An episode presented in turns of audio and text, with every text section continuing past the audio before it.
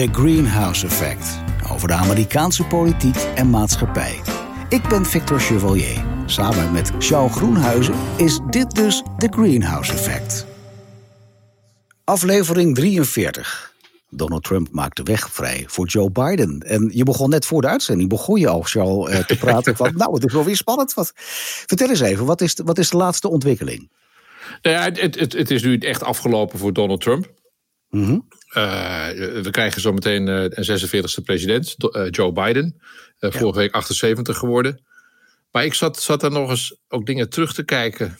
ook, ook van gisteren, omdat gisteren zo'n cruciale dag was. Omdat die, die kiesraad, zeg maar, in de staat Michigan, nou, een van die swing states. Hè, Biden ligt daar dik voor. en er is een kiesraad die uiteindelijk moet beslissen over de geldigheid van de in die staat, in dit geval Michigan, uitgebrachte stemmen. Ja. En normaal is dat een, een, totale formaliteit. Rubber stamp, zoals het heet. Hè? Je, gewoon een voorgedrukte handtekening zet je erop en klaar is Kees. Nou, nu werd dat ineens ontzettend spannend. In die kiesraad zitten, zoals in heel veel van dit soort dingen, twee republikeinen en twee democraten. Nou, we weten intussen dat uh, drie van die uh, kiesraadleden, twee democraten en een republikein, hebben zeg maar tegen Trump gestemd. En de vierde, ook een republikein dus, heeft zich onthouden van stemmen, enzovoort. Ja. Maar wat zo interessant is, uh, bij, bij deze, het einde van deze toch politieke en juridische wildwaterbaan, dat, we, dat Trump hier zijn einde vindt. Althans, politiek gezien.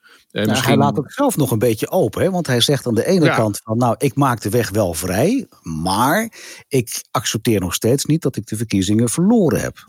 Dat ja, zegt klopt. hij toch eigenlijk. Dus het is een dubbele boodschap die hij eigenlijk afgeeft.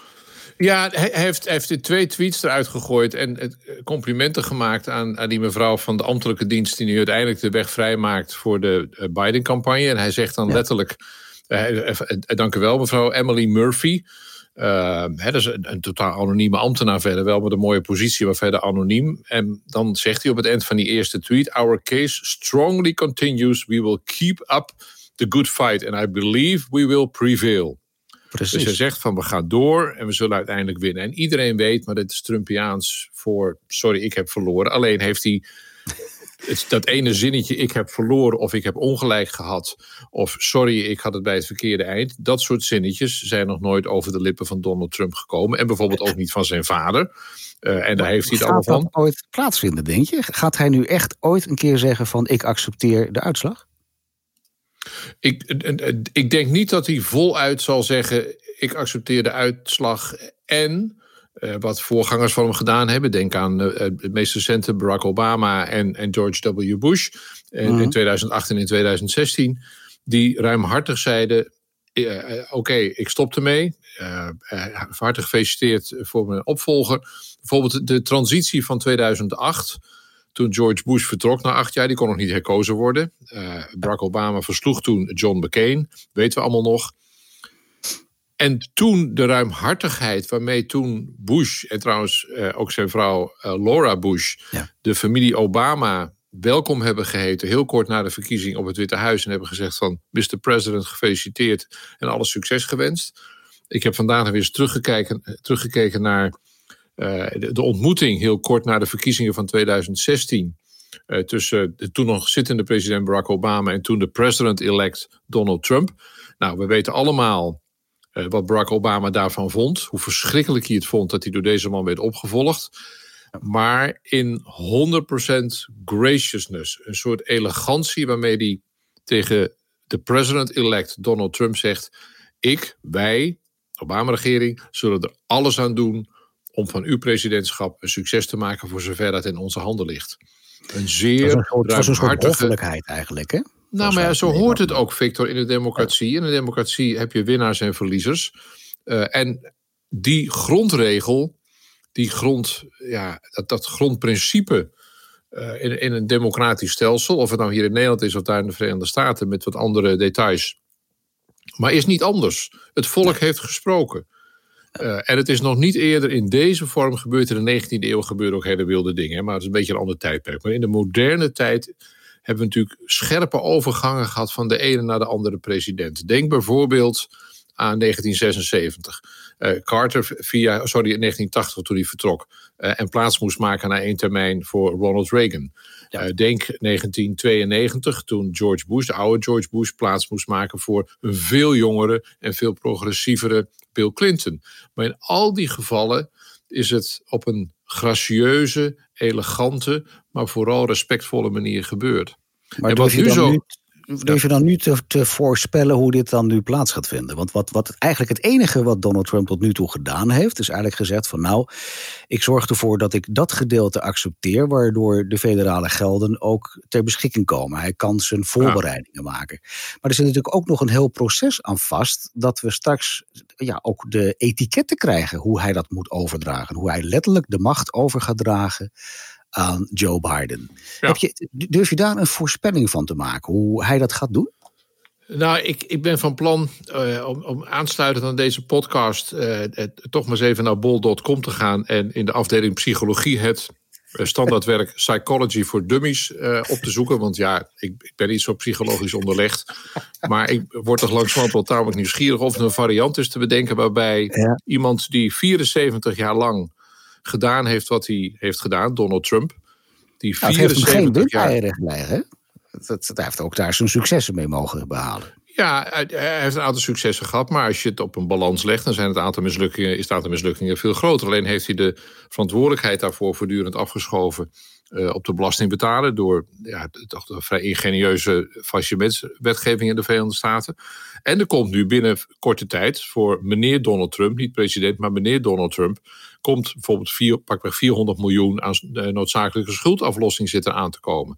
Met een aantal van zijn bezittingen, denk aan de resorts, denk aan de golfbanen, die hebben ook te lijden van corona. Daar neemt hij verder geen verantwoordelijkheid voor, maar dat is natuurlijk wel zo. Al die dingen komen nu op hem af. En dat is zo. En daar begon ik net ook mee. Even, even naar die situatie in Michigan, die ik zo fascinerend vond. Trump is altijd heeft zich altijd thuis gevoeld bij de grote der aarde. En groot dan met name als het gaat om bankrekeningen. Ja. Uh, en daar altijd vanaf het prille begin mee verkeerd. Uh, hij heeft ook zich afgewend wat dat betreft van zijn vader, die uh, woontorens bouwde in, in Queens en, en Brooklyn. Nee, mm -hmm. de Donald begon met grote gebouwen, Grand Hyatt, Trump Tower enzovoort. Ja. Daar heeft hij zich altijd in thuis gevoeld. En waar eindigt deze politieke loopbaan nu? En waar eindigt de zegentocht, althans in de waarneming van Trump zelf, waar eindigt die?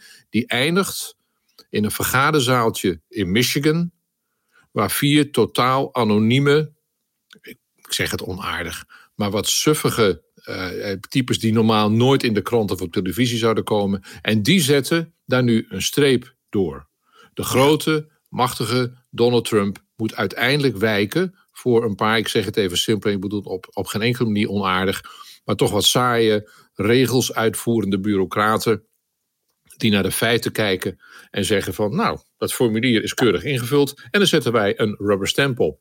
En die rubber stamp is het einde van de politieke carrière van Donald Trump. Wie had dat ooit gedacht? De grote Donald Trump. Hij is een keizer zonder kleren. Hij is een rattenvanger zonder fluit. Een goochelaar zonder groot, hoge hoed. Een zondaar zonder biechtvader. Hoeveel metaforen komen er nog? Nog één. Een supergroot ego met een minuscuul geweten. Oh, dan gaat je wat anders ging zeggen. Maar ik heb nog geen antwoord op mijn vraag. Uh, durf jij te stellen dat, dat deze overgang oh van de macht uh, nou werkelijk goed gaat plaatsvinden? Of heb je nog een beetje twijfels dat je denkt van nou, nou ik ben nou, wel erg benieuwd hoe dat gaat worden? Daar moet ik dus dat boekje Psychology for Dummies. Het zal vast ook in het Nederlands zijn bekende serie uit, eh, uit, van de Amerikaanse markt, uiteraard. Daar ga ik dus een beetje in bladeren. Maar laat ik even de, stat, de, statistiek erop loslaten. Die kans is vrijwel nul. Omdat zo ontzettend vaak, ook in de afgelopen vier jaar, wij ons ook hebben zitten vergissen dat je denkt van ja, dit kan niet waar zijn. Een van de meest pregnante kwesties kort voor de verkiezing van 2016, het Grab No by the Pussy verhaal, waarvan ik toen dacht van dat ik, voorspelde, ik, ik voorspelde toen, Trump gaat heel ver komen. Hij gaat mm. waarschijnlijk Hillary Clinton verslaan omdat mensen zo'n pesthekel aan Hillary hebben. Toen dat gebeurde, toen we dit bandje hoorden en de authenticiteit daarvan was bewezen, denk ik van ja, nou, sorry, ja, nou is het wel voorbij. Ja, einde verhaal. Nu is het gedaan. Ja. Nee dus. Dus hij is, hij, is, hij is een kat met zeven levens. Ja. Uh, maar, en daarom begon ik over Michigan en dat, dat saaie vergaderzaaltje daar in Michigan uiteindelijk heeft hij altijd met bluff uh, en met powerplay heeft hij mensen gek kunnen krijgen. Uh, ik zat voor een lezing die ik vanavond moet geven online voor Studium Generale in Maastricht. Als mensen het leuk vinden, oh, dat is waarschijnlijk een beetje te laat. Maar uh, het, het, heb ik nog eens opgezocht. De getuigenis die afgelegd werd door Michael Cohen. De ex-persoonlijk advocaat van Donald Trump. Die een jaar of tien voor hem heeft gewerkt. En uiteindelijk geflipt is. En uiteindelijk is mee gaan werken in, uh, met, met, justitie. In de gevangenis heeft gezeten voor de dingen die hij heeft gedaan. Die werd verhoord door het congres. Uh, en een van de congresleden vroeg toen aan meneer Cohen: Goh, als ik goed ben geïnformeerd, dan was u degene die vaak in allerlei zakelijke dingen dreigbrieven stuurde aan bijvoorbeeld aannemers die voor Trump gewerkt hadden, mensen die op andere manier geld van hem te goed hadden, uh, zakelijke conflicten. Hoe vaak hebt u dreigbrieven aan die mensen gestuurd? 50 keer? Nee, nee, nee, wel wat vaker, zei Michael Cohen. 100 dan misschien? Nee, meer. 200? Nee, nee, wel meer. Nou, uh, 500 misschien? Ja, it's just about right, zei hij. Oh, zo'n 500 keer. En dat moeten we ons steeds blijven realiseren. En daarom is het ook zo fascinerend dat deze man van het grote gebaar en het grote ego nu vastloopt in dat modderbad van een vergaderzaaltje in Michigan. Ik zit alsmaar met dat beeld voor me, zoals we dat gisteren ook live op Twitter en overal konden volgen. Je kon gewoon meekijken. De wereld keek ineens even in dat kleine zaaltje daar. En het is eigenlijk zo zo roemloos. Dat je als, als ja, toch de master of the universe, in ieder geval zijn eigen universe, dat dat hier nu eindigt. Ik vind het een fascinerend beeld. Uh, voor de luisteraars thuis, uh, in de oortjes waar we nu in zitten. Uh, jullie hebben er geen beeld bij, maar ik zie nu een licht genietende Saul ja. tegenover mij Nou, zitten. het is, het, ook wel, nou ja, je weet, ik ben zelf alles behalve een vriend van Donald Trump. En ik hou van dat land. En ik hoop nou, daar waren de luisteraars ondertussen wel achter hoor. Dat, dat hoef je niet te Ja, en dat, ik hoop zo oprecht dat dat land nu een andere, toch wat andere ja. richting inslaat. Voor, voor heel veel mensen die gewoon echt beter verdienen in dat land. En daar hoort Donald Trump niet bij. Maar het is ook wel, ik lach er ook om, omdat het als je houdt van politiek, en ik houd van politiek zo goed als ik nu echt met mijn vingers zit af te likken bij alles wat zich hier in Nederland nu met Forum voor Democratie afspeelt. Omdat het zo prachtig politieke processen blootligt. Even dan los van wie er gelijk of ongelijk heeft. Maar hoe toch uiteindelijk, en dat vind ik het hoopgevende wat zich nu hier afspeelt eh, rond uh, nu het einde van de campagne van Trump en het begin van het presidentschap van Joe Biden. Dat hmm. toch uiteindelijk het systeem, uh, Victor, wel werkt. We moeten nou ja, ons realiseren, een aantal sombere beetje... voorspellingen zijn gewoon niet uitgekomen. Precies, daar wil ik net, net die brug maken. Want wij hebben hier achter dezezelfde microfoons gezeten. Niet zo heel lang geleden, een week of acht, negen geleden. Dat we ja. echt bang waren voor de militie. Ik ben bang dat je iets gaat zeggen over burgeroorlog, toch? Precies, daar gaat het ja, burgeroorlogssysteem ja. komen. Maar ja. even voor de, voor de goede orde, waar we nu in zitten, is dat er een, een actie van, van, van Donald Trump gekomen is, die nu heel recent en vers is. Waar ik me niet aan de indruk kan onttrekken dat daar de druk van de Republikeinse Partij ook achter zit. Die zegt, joh, nu moet je eventjes bakcel halen. Ja. Maar wat, wat er nog wel, vind ik, een gevaarlijke uh, trend is. Er zijn natuurlijk, dat moeten we niet onderschatten. Er zijn heel veel aanhangers van Trump. En het lijkt er bij mij een beetje op alsof hij dat bijna los van de Republikeinse Partij een soort eigen Trumpiaanse partij van aan het maken is. Kan dat? Daar? Ja, ja, daar heb je gelijk in. En dat heeft hij voor een deel heeft hij dat al gedaan. Uh, in de afgelopen vier jaar, of eigenlijk vijf jaar moet je zeggen, want er gaat een jaar van campagne voeren in 2015, 2016 aan vooraf, waarin hij inderdaad de partij, zeg ik, heeft gekaapt. En ja. gekaapt, zeg ik, omdat hij het programma van de Republikeinse Partij, de principes van die ouderwetse GOP, de Grand Old Party, een aantal principes, ook als het gaat om politiek fatsoen, ook als het gaat om economisch beleid, ook als het gaat om Let's Make America Great, maar dan op een andere manier great dan Trump dat bedoelt. Die ja. partij heeft hij volledig te gronden gericht. Die partij mm -hmm. bestaat niet meer.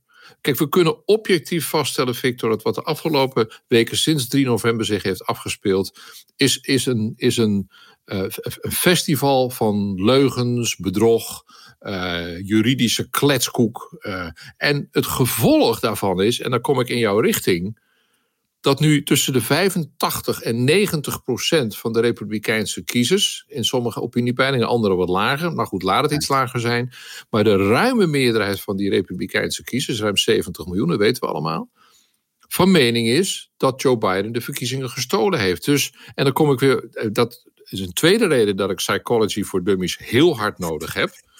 dat je toch moet verklaren. Ja.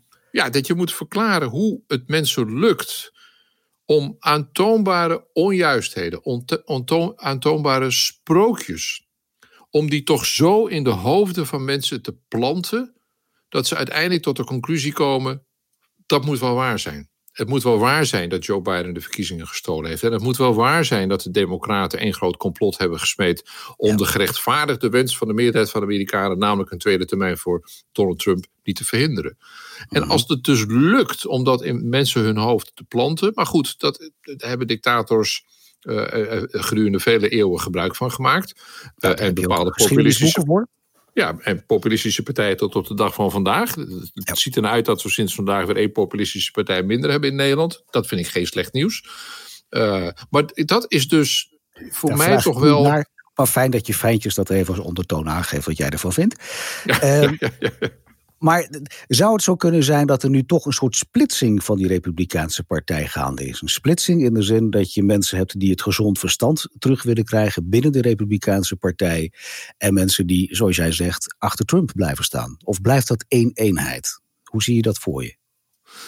Het, het splitsen van een partij zie ik niet gebeuren, omdat dat ook echt zekere politieke zelfmoord is voor de politieke beweging die achter de Republikeinse Partij zit. Omdat je binnen het Amerikaanse systeem.